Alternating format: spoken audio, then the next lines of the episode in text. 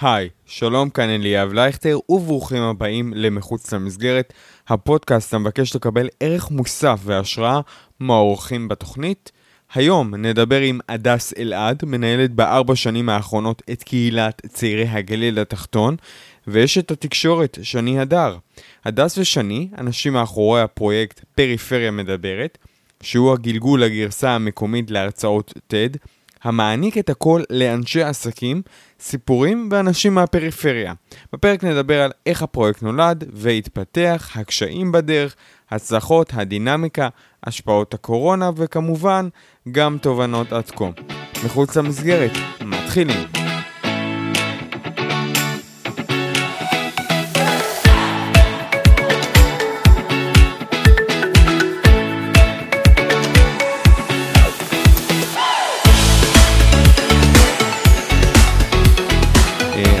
שלום הדס, מה קורה? שלום אליהו. אז ספרי לנו איך הפרויקט בעצם התחיל. פריפריה מדברת זה המיזם שקיים כבר למעשה שנתיים, אבל אה, קדמו לו אה, גלגולים קודמים אה, בווריאציות שונות אך דומות. פריפריה מדברת נשענת על רעיון מאוד מאוד ייחודי.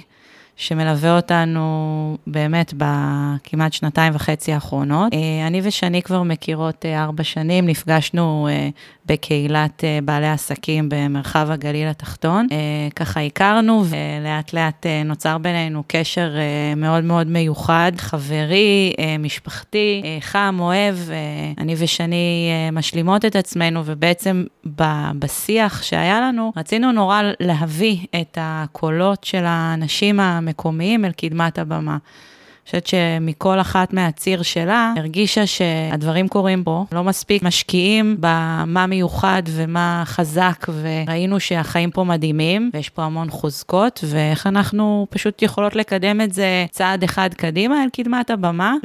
התחלנו איזושהי עבודה משותפת על גיליון אלקטרוני שנקרא בקשר לגליל, שהיה באמת הצלחה לאותה, לאותו זמן, כי לקחנו את כל בעלי העסקים והיזמים ונתנו להם זרקור מיוחד בתוך אותו גיליון. לאחר תקופה של אה, שבעה חודשים, שאני הביאה רעיון פשוט חכם אה, וייחודי לא, לאותו זמן, שאמר, בואי ניקח את אותם בעלי עסקים, אותם יזמים, וניתן בצורה של נושא לכל ערב ארבעה דוברים, שם שלנו מהמרחב, ודרך אה, סדרה, עם סדרה בנושא חצאות, בסגנון TED, שכל ערב כזה הוא מיוחד לאותו נושא, אם זה בחינוך וצעירים, ההתיישבות. ההתיישבות העובדת, איך באים ילדים לעולם. מה שהיה מאוד מיוחד זה שלא הבאנו מרצים uh, מחוץ, uh, לקחנו את השכנים, את התושבים של המרחב הגלילי הקרוב, והם היו האנשים שאליהם התושבים הגיעו. מערב לערב פקדו את TED uh, במשך שנה למעלה מאלף אנשים, והבנו שקורה פה דבר גדול. אותו TED גלילי פנו לשני ואליי בשאלות איך מרימים uh, כזה בבית. ככה לאט לאט הבנו שאנחנו הולכות לאיזשהו מהלך ארצי, שפה התחיל בגליל התחתון, שנקרא פריפריה מדברת. שני, אני רוצה לעבור אלייך ולשאול מה הייחודיות של הפרויקט לעומת פורמטים או פרויקטים אחרים, וזווית שלך אישית על הפרויקט. היי, אליאב, אהלן. בראשיתו המיזם הזה בכלל נולד uh, מתוך רצון תרבותי לגמרי ומקומי לגמרי, לקיים איזושהי תרבות מקומית בעלויות נמוכות יותר במרחב הגליל התחתון. לא היו לנו שאיפות גדולות מדי, פשוט אמרנו, אחרי שהבנו שהגיליון האלקטרוני, ניוזלטר, ראינו שבעצם יש uh, קולות שמבקשים להישמע וקולות שמבקשים לשמוע, אמרנו בוא נעשה, בוא נעשה הרצאות בסגנון TED, בוא נעשה, אנחנו כמובן... כמובן לא המצאנו את זה, כמובן לא המצאנו את זה שזה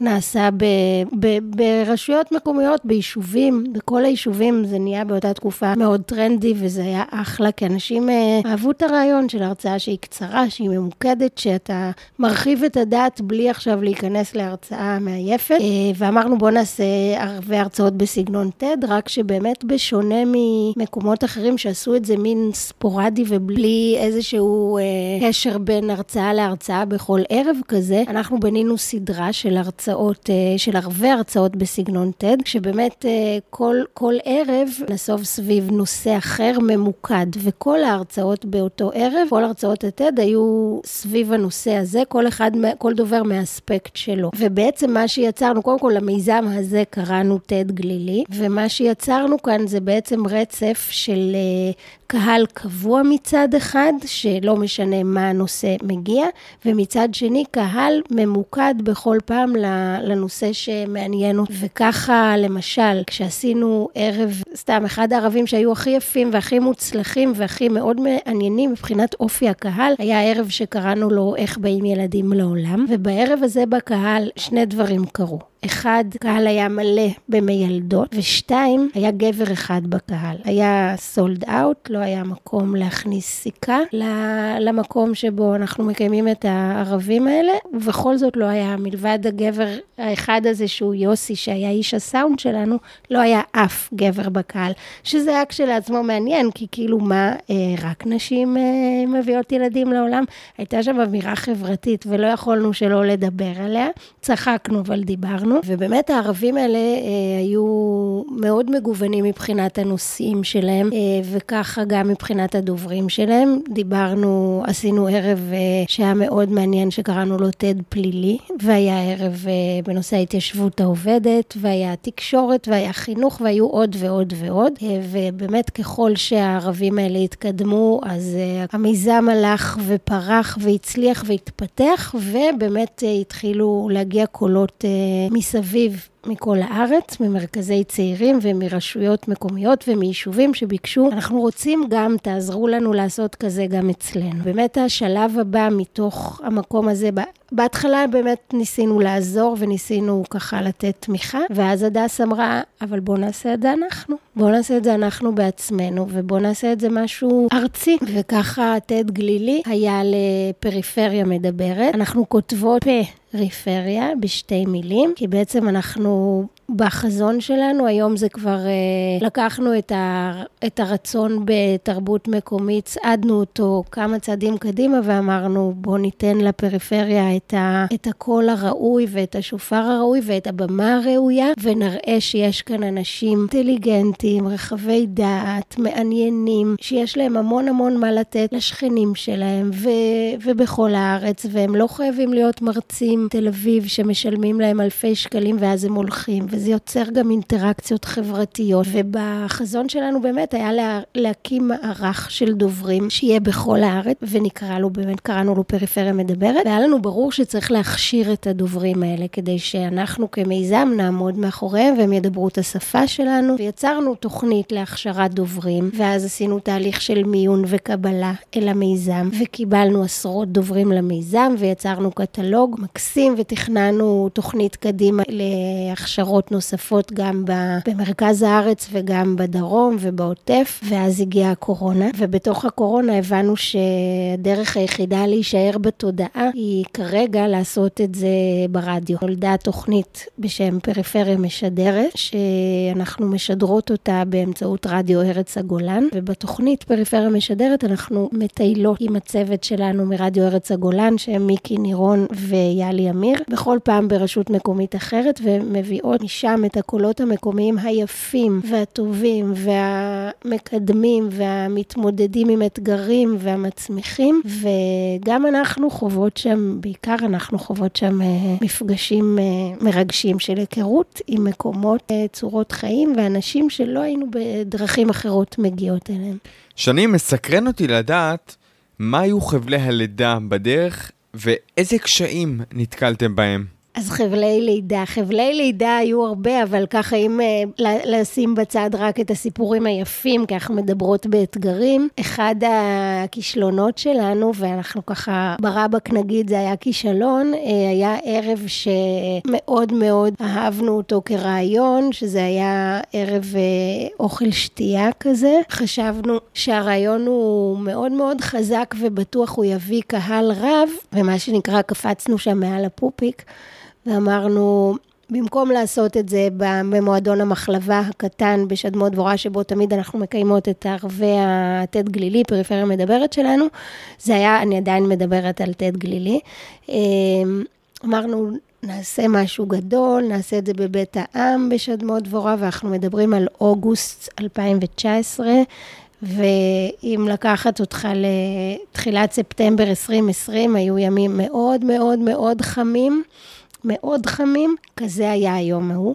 ובית העם בשדמות דבורה הוא, נכון לאז, היה מקום שאין בו מזגנים. ובאותו ערב רצה הגורל וגם uh, היו המון המון המון זבובים. אז היה לנו חם והיו המון זבובים, והבאנו חנים של uh, אוכל טעים ובירה וקפה והכל, כל הסטינג היה מקסים, אבל מה?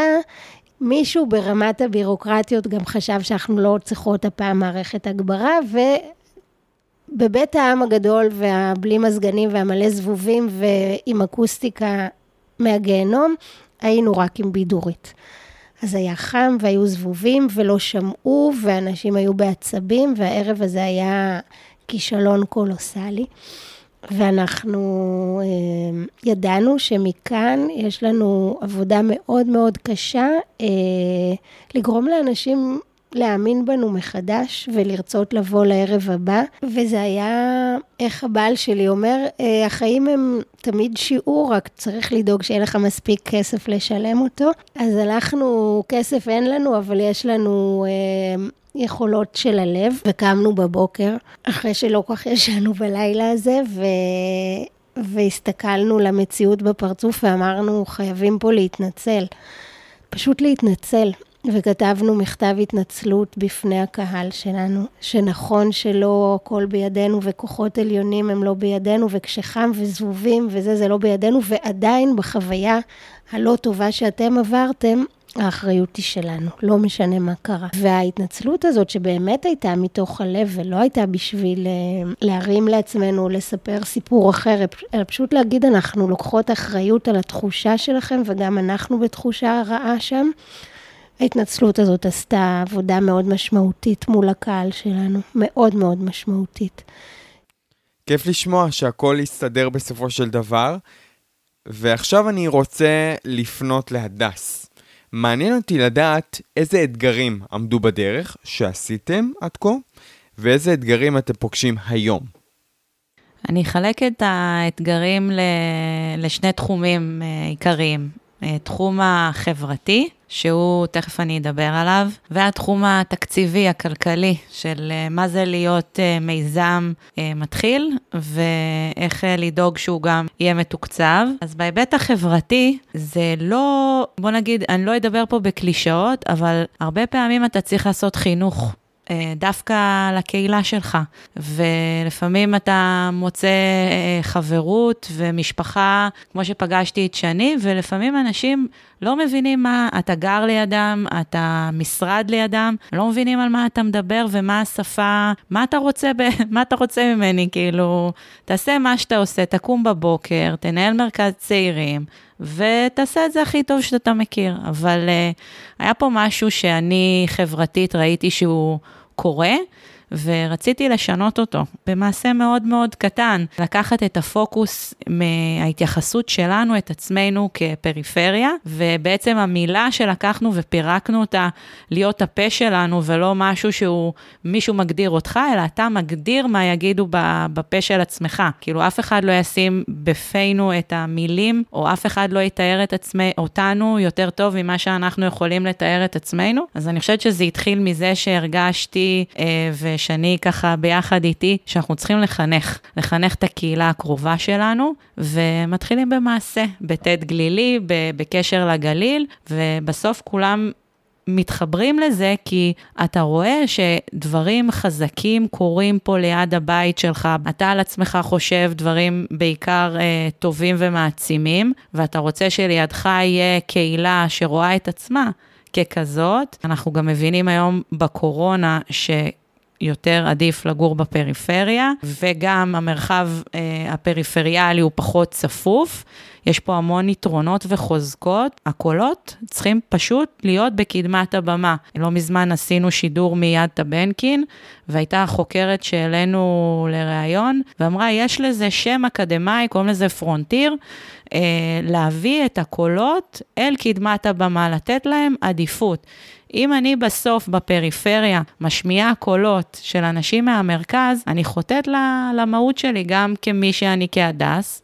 אותו אדם שגר במרכז הוא חי חיים אחרים, יש לו אג'נדה, יש לו סדרי עדיפויות, למה שאני אתן לו את הבמה? אמיתי, כאילו, למה? ואני הדס, יש לי פה אחריות, יש לי איזשהו אה, רצון אגב, לעשות מעשה, וזה לשנות את, ה, את התפיסה החברתית החינוכית. המיזם הזה עושה את זה הלכה למעשה, אם זה פריפריה מדברת, שאני ושני, אנחנו לא המהות, המהות זה הדוברים, זה כל אותם דוברים שמתקבלים למיזם ועושים פריפריות מדברות, מדברים על שלל נושאים בחברה הישראלית שקורים, אה, סיפורים מסיפור אישי שהוא מעורר השראה, מעסק שהוא הקים, דברים מדהימים, באמת עוצרי נשימה. רשימה אה, אחד-אחד, אנחנו כל הזמן בהתלבטות, איזה דוברים לקחת מכל המגוון שקיים, מהעושר, העושר הרעיוני, האיכותי, יש פה איכויות מדהימות, אה, אז זה מהבחינה החברתית-חינוכית. אנחנו התחלנו, אז אנחנו באתגר, והאתגר התקציבי של להיות אה, יזם חברתי, גם לשכנע ארגונים, עמותות, משרדי ממשלה, לא קל. הם בעצמם, שמתקצבים ומקדמים אה, נושאים בתוך הפריפריה, לא תמיד מבינים על מה אתה מדבר, שזה גם איזשהו אה, משהו שצריך לאזן ולנסות לקרב ולחבר לאט-לאט, וזה מאתגר, כי אנחנו כבר עושות את זה ואנחנו צריכות את התקצוב, אז זה לא משנה לי, אני צריכה שהם יתעוררו כאן ועכשיו, ולא בעוד כמה שנים. השטח בדרך כלל מקדים את מה שקורה למעלה, אנחנו רואים את זה היום.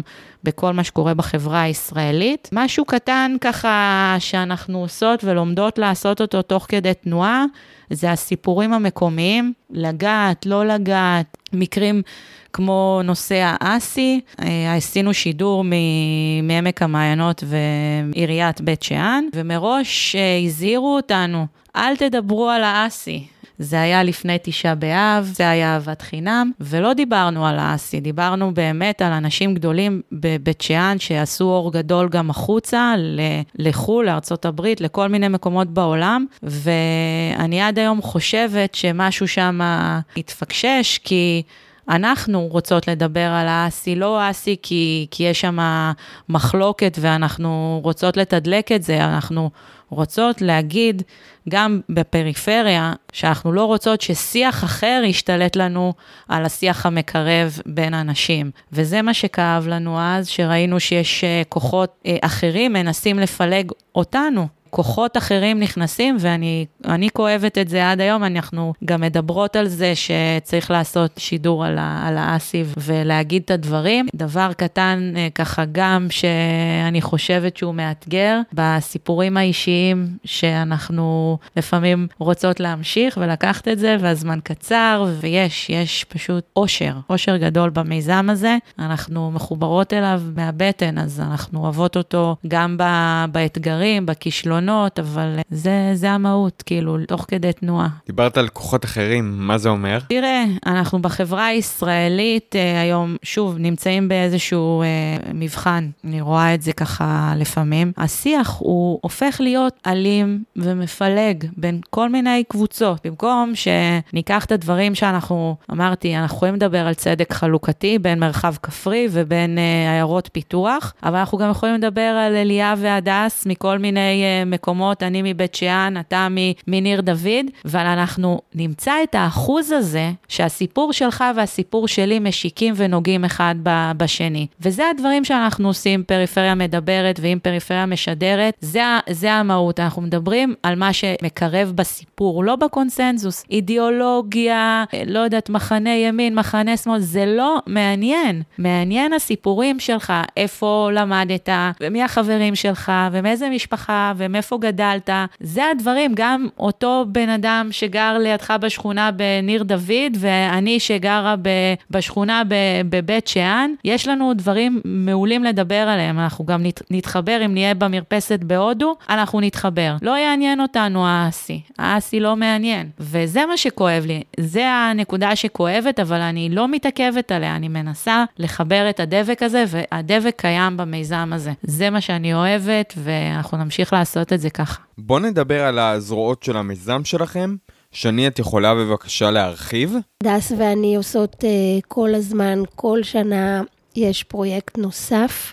שהדס מובילה אותו כמנהלת מרכז צעירים, ואני בעצם השותפה שלה לדבר הזה, אבל זה באמת באמת בפוקוס של הדס מרכז, מרכז צעירים, ושרי, שזרועות אה, נוספות של המיזם הזה, זה פרויקט שנתי, שהדס מובילה אותו עם אה, סטודנטים של פרח, מלגאים של מפעל הפיס, שבעצם דרך מרכז צעירים של המועצה האזורית הגליל התחתון, ואנחנו בתוך הפרויקטים השנתיים האלה, כל פעם אה, יש אוכלוסייה. אוכלוסייה שאותה אנחנו מבקשות להעצים בעבודה משותפת עם הסטודנטים. לפעמים זה, עד, עד היום זה היה הסטודנטים והילדים שאותם הם חונכים במסגרת פרח. הפרויקט הראשון היה פרויקט שנקרא סיפורים מאסירים. זה היה מפגשים משותפים של סטודנטים וילדים עם ותיקי המרחב של הגליל התחתון. נפגשו, בישלו, פרו סיפורים וכתבו מתכונים, ואנחנו בסופו של דבר אה, הוצאנו מזה ספר מקסים, שהוא מזכרת של אה, מפגש רב-דורי וחיבור רב-דורי שנוצר דרך המפגש הזה. וזה היה לפני שנתיים, בשנה שעברה הפרויקט היה, התבסס על רעיון דומה, הקהל היה של משפחות שכולות של חללי צה"ל, סטודנטים שוב וילדים שאותם הם חונכים נפגשו עם משפחות שכולות, ובחרנו בעצם אה, להחיות את זיכרון החללים באמצעות ספר מתכונים, תוך מחשבה שספר מתכונים זה דבר חי, בניגוד לספר זיכרון שאת שאתה מעלעל בו ובוכה ומניח אותו בסופו של דבר, ואו שתסתכל עליו שוב או שלא, ספר מתכונים זה דבר חי. וכשאתה כותב ומבשל מתכון של חייל שנהרג, וזה הדבר שהוא הכי אהב, או זה הדבר שאימא חיכתה לו, או זה הדבר שמזכיר סיפור מסוים, אתה שוב ושוב מחיה את האדם הזה, והוא נמצא איתך, והוא נמצא בעוד בתים שיקראו את הסיפור שלו בספר, ויראו את התמונות שלו, ויכירו את המשפחה שלו, ויכירו אותו. וזה מחיה עוד הפרויקט הזה שקראנו לו זיכרון טעמים, שהיה בשיתוף של משפחות שכולות מהמרחב של אה, עמק הירדן וגליל טבריה. היה פרויקט שהרבה הרימו גבות לפני, כשיצאנו לדרך ואמרו, זה חילול הקודש, מה פתאום? ספר מתכונים, חללי צה"ל, מה פתאום? זה חילול הקודש. ואנחנו אמרנו, אנחנו נעשה את זה. עשינו את זה, וזה לא היה קל, זה היה מאוד uh, מאתגר. היו שם אתגרים גם ברמת להביא ילד שלא מכיר, והוא קטן והוא ילד, למפגש עם משפחה שכולה שהוא לא שמע עליה, וזה שפה, וזה סיטואציה, וזה בית שהוא בית uh, עם הרבה כאב, ולהביא ולייצר שם משהו, להביא ולייצר שם איזשהו מפגש של... Uh, לספר ולבשל ביחד ולבכות ו...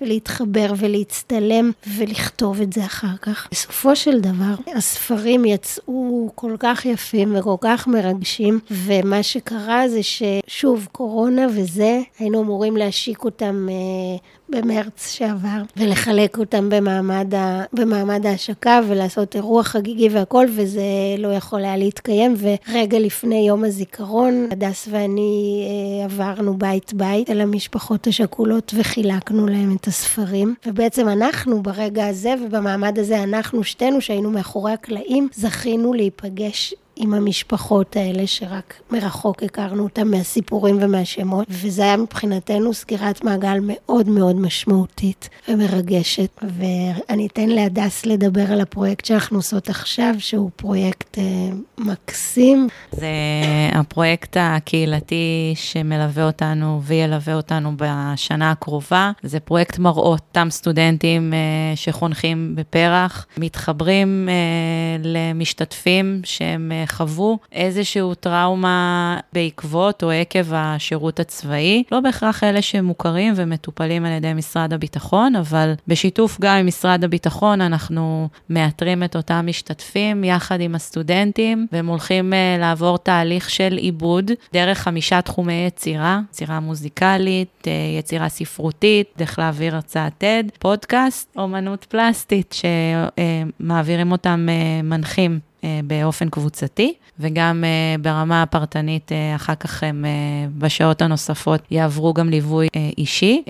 פרויקט מאוד מרגש, אני חושבת שמה שמאפיין את פריפריה, ואנחנו מתעסקים בקהילות שלא ביודעין, אנחנו מדירים אותם, אם מתוך יראת כבוד, כמו משפחות שכולות, שיש איזשהו, אנחנו לא מתכוונים לא, לא לקרב אותם, אנחנו פשוט מתוך פחד לפגוע, אנחנו מדירים, אנחנו רגע הם עוברים בשביל. בשביל ולא נעים לנו לפנות לאותה אימא שכולה, אז אנחנו רגע מורידים את הראש או לא יודעים איך לפנות אליה, ודווקא בזיכרון טעמים עשינו חיבור שהוא טבולה ראסה, להביא ילד צעיר לתוך משפחה שכולה, זה לחבר, כי אין אדם שהוא לא מתעסק בטיפול של משפחות שכולות, או לא חווה את, ה, את האובדן היומיומי ולא חי בצל של השכול, נכנס למשפחה, ומתוך המקום של הלוח החלק הזה, מתחברים יותר בקלות, ולכן גם בחרנו את אה, קהילת הלומי הקרב, הפוסט-טראומטיים, כי הפציעה שלהם, אתה לא בהכרח רואה אותה, הם מסתובבים, הם חיים, הם יכולים להיות השכן שלך, הם יכולים להיות בקהילה שלך, ואתה לא יודע על הפציעה, אבל הם...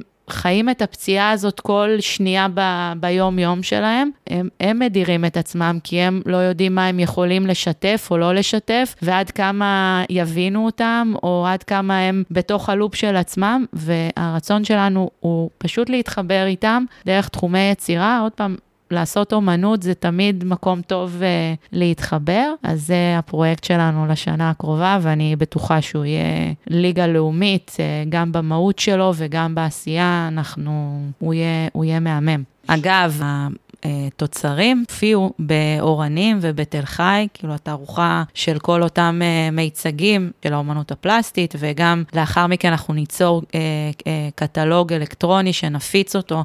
זאת אומרת, אנחנו שמים אותם בקדמת הבמה ומעצימים את אותם אנשים שמתמודדים ביום-יום עם הדבר הזה. אז... בהחלט פרויקט חשוב מאוד, הדס. הדס, הפרויקט הוא רק לאנשי הפריפריה? זה לא, זה לא.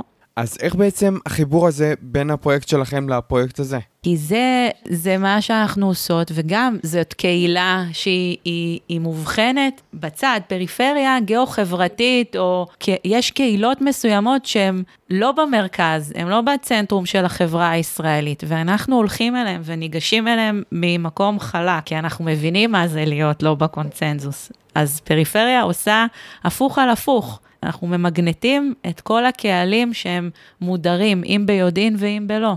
זה הרעיון. אני רק רוצה לחדד שאנחנו, כשהתחלנו בתחילת דרכנו, אז באמת המושג פריפריה מדברת, דיבר פריפריה גיאוגרפית. ובדגש עוד יותר מזה, דיברנו על אה, דוברי המרחב הכפרי. והתהליך אה, התקדם מהר מאוד בתובנה שלנו שפריפריה היא מושג גיאו-חברתי, כמו שאנחנו רואות אותו. זאת אומרת, אה, אדם יכול לגור בלב תל אביב, אבל עדיין במהותו להיות פריפריאלי. במובן של כמו שהדס, כמו שהדס אומרת, מחוץ לקונצנזוס, מחוץ למרכז בתודעה, בתחושה. אדם שהוא פוסט-טראומטי עקב אה, משהו שקרה לו במהלך שירותו הצבאי, ממש לא מעניין אותנו אם הוא גר במגדלי עזריאלי. הוא פוסט-טראומטי, הוא מחוץ לחברה עכשיו, ואנחנו יכולות לתת לו איזשהו כלי, במעט שאנחנו יכולות לעשות, להצטרף לאיזשהו פרויקט שייתן לו אפשרות אה, מעצימה לאבד את תהליך, הפג... את עוצמת הפגיעה שלו. אגב, אה, מאוד מאוד היה חשוב לנו לדייק ולומר שהאנשים שמשתתפים בפרויקט הזה ממש לא חייבים להיות uh, מוכרים של משרד הביטחון, מכיוון שלא כל אדם שעבר אירוע פוסט-טראומטי עבר גם תהליך מול משרד הביטחון של הכרה. ולנו יש את הפריבילגיה לאפשר דבר כזה בגלל שאנחנו מין מיזם עצמאי שלא כפוף לכל מיני אישורים ו... ותקנונים. יש לאנשים כל מיני אה, מקומות פוסט-טראומטיים, ואני מאוד למשל חושבת כל הזמן, שפוסט-טראומה בשירות צבאי לגמרי יכולה להיות אה, חיילת שנאנסה במהלך שירות הצבאי.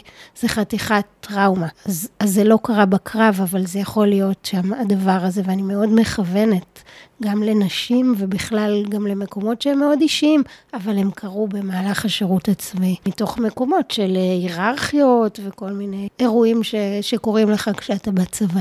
אז לכל מי שמאזין וחושב שהפרויקט הזה מדבר אליו, וזה באמת פרויקט מאוד חשוב, מוזמן לחפש בדף הפייסבוק את שני הדר והדס אלעד, ופשוט לשלוח להם שם הודעה. אז אחרי דרך ארוכה, אני רוצה לשאול אתכם איזה סיפור נגע בכם הכי הרבה והמשיך להדהד. ערב שהוא אמנם היה עדיין בסדרת טד גלילי, אבל מבחינתי הוא היה...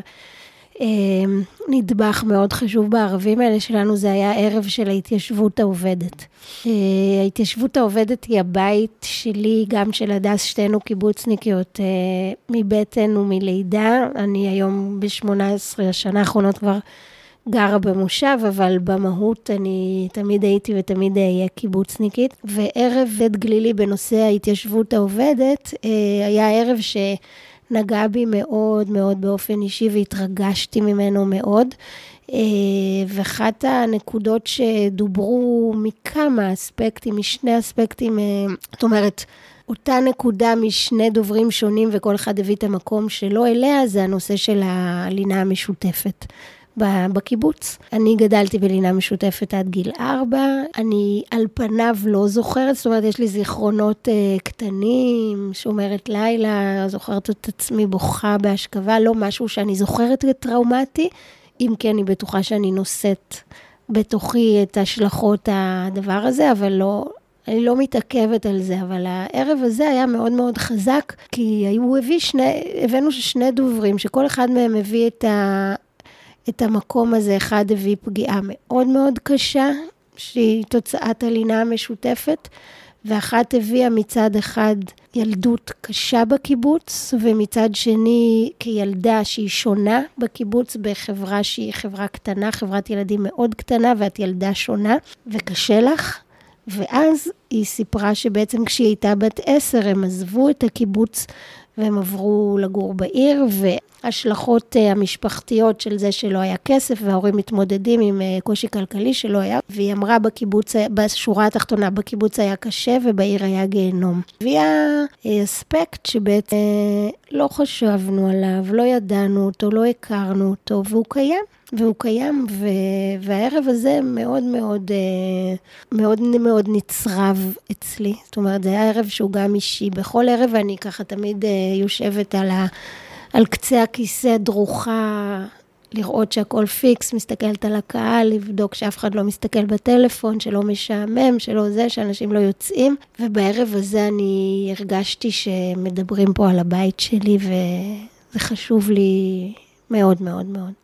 אה, היה לנו שידור אה, מרמת הגולן, מאולפן הבית, אה, והעלינו על כל מיני אנשים מרמת הגולן ש, שעשו מעשה משמעותי. העלינו את אוהד, אוהד הוא תושב רמת מגשימים. והבן שלו, הוא שם לב שהבן שלו חוזר כל יום מבוצבץ, והוא התחיל לשאול מה, מה אתם עושים, ואז הוא סיפר שיש להם ילד בשכבה שהוא עם צרכים מיוחדים, והם רוצים uh, להנגיש uh, נחל כדי שהוא יוכל לבוא איתם uh, להשתכשך. Uh, באותה שכבה גם uh, יש את הבן של uh, יוחאי שרון, זיכרונו לברכה, שהוא גם uh, מופיע בספר שלנו בפרויקט זיכרון טעמים שדיברנו עליו. הוא מספר את הסיפור, ואז הוא גם אומר שהם uh, הולכים להקים את אותו, לשפץ את אותו מעיין לזכרו של uh, יוחאי שרון. אני עובדת במועצה האזורית הגליל. אני יודעת על יוחאי מכובע אחר של פרויקט שלנו, אה, אה, של זיכרון טעמים, ואז אה, רחלי שרון, אימא של יוחאי, זיכרונו לברכה, אני עובדת איתה במועצה, ואחרי השידור, באתי וסיפרתי לה שהמיזם של לשפץ את המעיין זקוק ל-X שקלים כדי שהם יוכלו לסיים אותו, וממש בסוף אותו השידור שלחתי לה את ההקלטה, היא האזינה, ואחרי זה היא אמרה שהמשפחה תשים את הכסף שנחוץ כדי שזה יקרה. אני באותו יום מאוד מאוד התרגשתי, גם כי הבנתי סוף סוף שאני לא רק מדברת את זה ועושה את זה ושמה לב לזה תוך כדי העשייה וה... והמרתון של הדברים שאנחנו עושות בנוסף, אלא באמת קורים פה דברים קסומים. יש מעלינו עילה של, אה, של עשייה בטוב, ומה שעושים מהבטן כנראה הוא טוב, ומהנקודה שלי ושל שני הוא גם טהור, אז אנחנו, נראה לי, בנקודה הזאת, כאילו רק יכולות uh, להמשיך ו- ולדחוף את זה קדימה. וזה רק תלוי בנו, כאילו בנו כקהילה, בי ושני בטוח, אבל uh, בנו כקהילה. מאוד נחמד לשמוע שהמיזם נגע בכם בדרך כל כך אישית ובצורה מאוד מיוחדת. בנות, יש משהו שמאוד uh, מסקרן אותי, מאיפה האומץ להקים מיזם שכזה. נתחיל עם uh, שני. קודם כל, המעז מנצח, אוקיי? עדיף כישלון מפואר מחלומות במגירה. אני שנים חושבת על עצמי שאני לא יודעת אם אני יותר אה, פועלת מטיפשות או מקוצים בתחת. אני כאילו העבודה שלי עם עצמי דווקא בעיקר בשנה האחרונה, ברמה המאוד מאוד אישית שלי, היא דווקא ללמוד לספור עד עשר. אומץ זה, זה בכלל לא, אני לא מרגישה אמיצה. אני קודם כל עצמאית כבר עוד מעט עשרים שנה. זה התחיל מסטודיו לעיצוב גרפי, שהוא פעיל עד היום, אני מעצבת גרפית בהתחלה שלי, אבל אה, גם תהליכים ושינויים והתפתחות, ויותר ויותר נהייתי אשת תקשורת, אה, שהעיצוב הגרפי הוא היום כלי שמשרת אותי. הוא לא הנושא, הוא ממש לא הנושא. אז אומץ זה, זה כאילו לא שאלה בכלל, זה מה יש לנו להפסיד, את הלא כבר יש לנו, מה... לפעמים דברים מצליחים ולפעמים לא, אבל לא לקחנו הלוואה מטורפת של חצי מיליון שקל או שני מיליון שקל והקמנו בית קפה, שזה אגב משהו שאני חולמת לעשות מתישהו, ובטח נעשה אותו שתינו ביחד מתישהו, אבל זה אומץ. פה אין שום דבר שקשור באומץ. יש פה אה, שתי נשים עם המון אה, רצון ו... וחזון חברתי וקהילתי כל הזמן שבוער בנו. ווואלה, אומץ לא קשור לפה, פשוט לא, אין מה להפסיד. אין מה להפסיד. את הלא כבר יש לנו תמיד, מה יש לנו להפסיד? אני מאוד מסכים ממה שאמרת, שני. אה, תמיד צריך לנסות ולהעז, את הלא תמיד יש. והדס, מה איתך? אני, במהותי, אני אדם ש... אף פעם לא נכנס בדלת הראשית. באופן, באופן כללי, כאילו, זה קורה לי מאז שאני ילדה אה, דיסקלקולית, לא סיימה תעודת בגרות, אה, סוג של 450 בפסיכומטרי, אף פעם לא מתקבלת לשום אה, מקום, ועושה בסוף שני תארים בהצטיינות יתרה באוניברס, באוניברסיטה הפתוחה ואוניברסיטת חיפה. זה נותן לי איזשהו תמיד ככה אתגר, כשאומרים לי את הלא, למצוא את הכן. ואני חושבת שמשם באים רעיונות. רעיונות מאוד טובים, וגם uh, אני מאוד מתחברת תמיד לשני, כי אני כבר לא יכולה בלעדיה. אני, אני מרגישה שהרעיונות שלי צריכים מישהו שיבוא ו, ורגע יאתגר אותם ו, ויגיד לי, ו, ונצמיח פה משהו uh, שלנו. זהו, אני חושבת שאני מסכימה מאוד עם שני. אני חושבת שאנחנו, האומץ הוא, הוא לא רק בלהעיז ולעשות, הוא גם uh, לדעת שיהיה הרבה לא, והרבה פעמים דברים לא יקרו כמו שאתה רוצה שהם יקרו,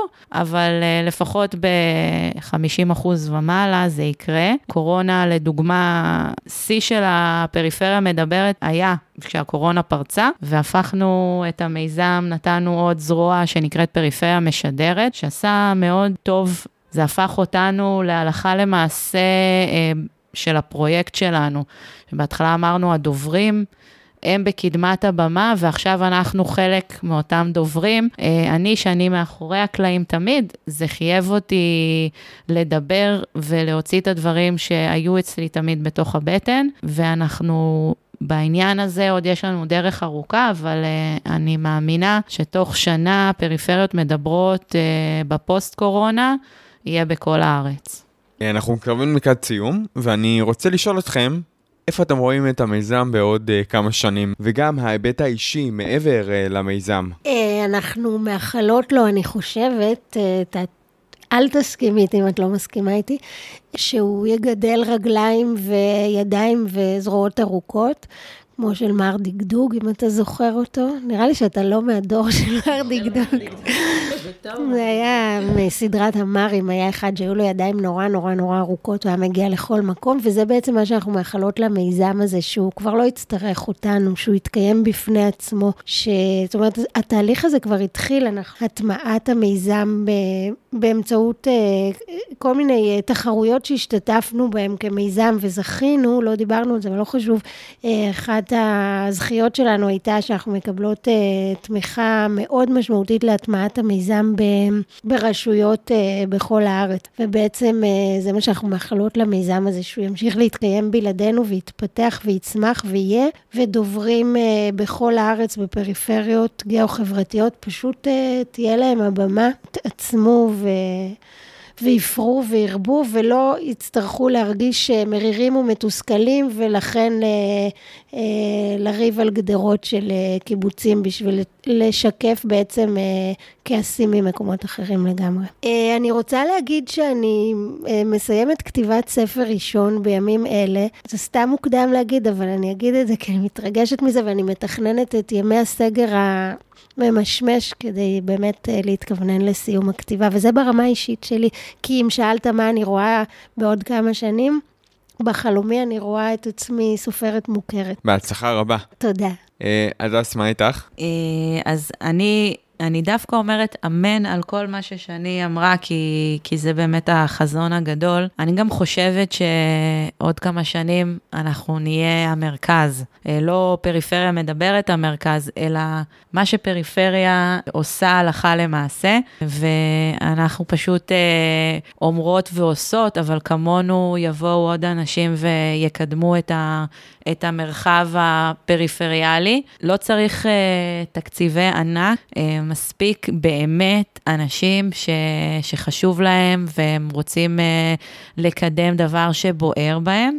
אנחנו מחר משדרות uh, פעם ראשונה מיישוב שהוא לא יהודי, במועצה אזורית אל-בטוף, פה בגליל התחתון, שכנינו.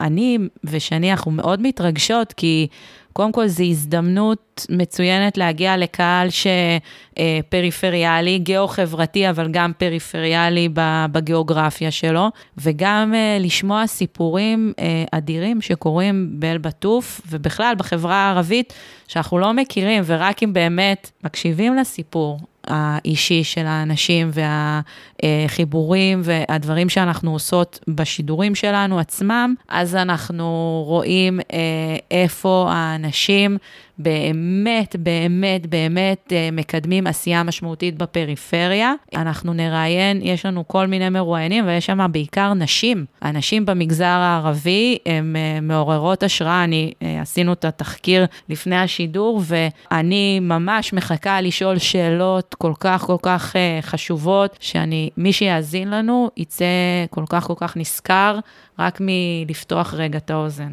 עד שה... הפודקאסט יצא לאוויר, אנחנו כבר נהיה אחרי השידור, אז אנחנו נפנה את המאזינים שלנו המעוניינים לשמוע על הפרויקט שמשודר בימים אלו ברדיו גולן, וניתן לו להאזין לו בספוטיפיי וגם בדיזר, וגם בלייב בפייסבוק, פשוט חפשו פה פריפריה. בנות, תודה רבה שהתארחתם בפודקאסט מחוץ למסגרת. תודה רבה אליאב, תודה. עד כאן התוכנית, תודה רבה לכם על ההאזנה. אני אשמח מאוד לשמוע את דעתכם על הפרק בקהילת התוכנית, בפייסבוק, מחוץ למסגרת הפודקאסט, וגם בקרוב באתר האינטרנט של מחוץ למסגרת. אנחנו נתראה בעוד פרק של הפודקאסט. בינתיים, להתראות.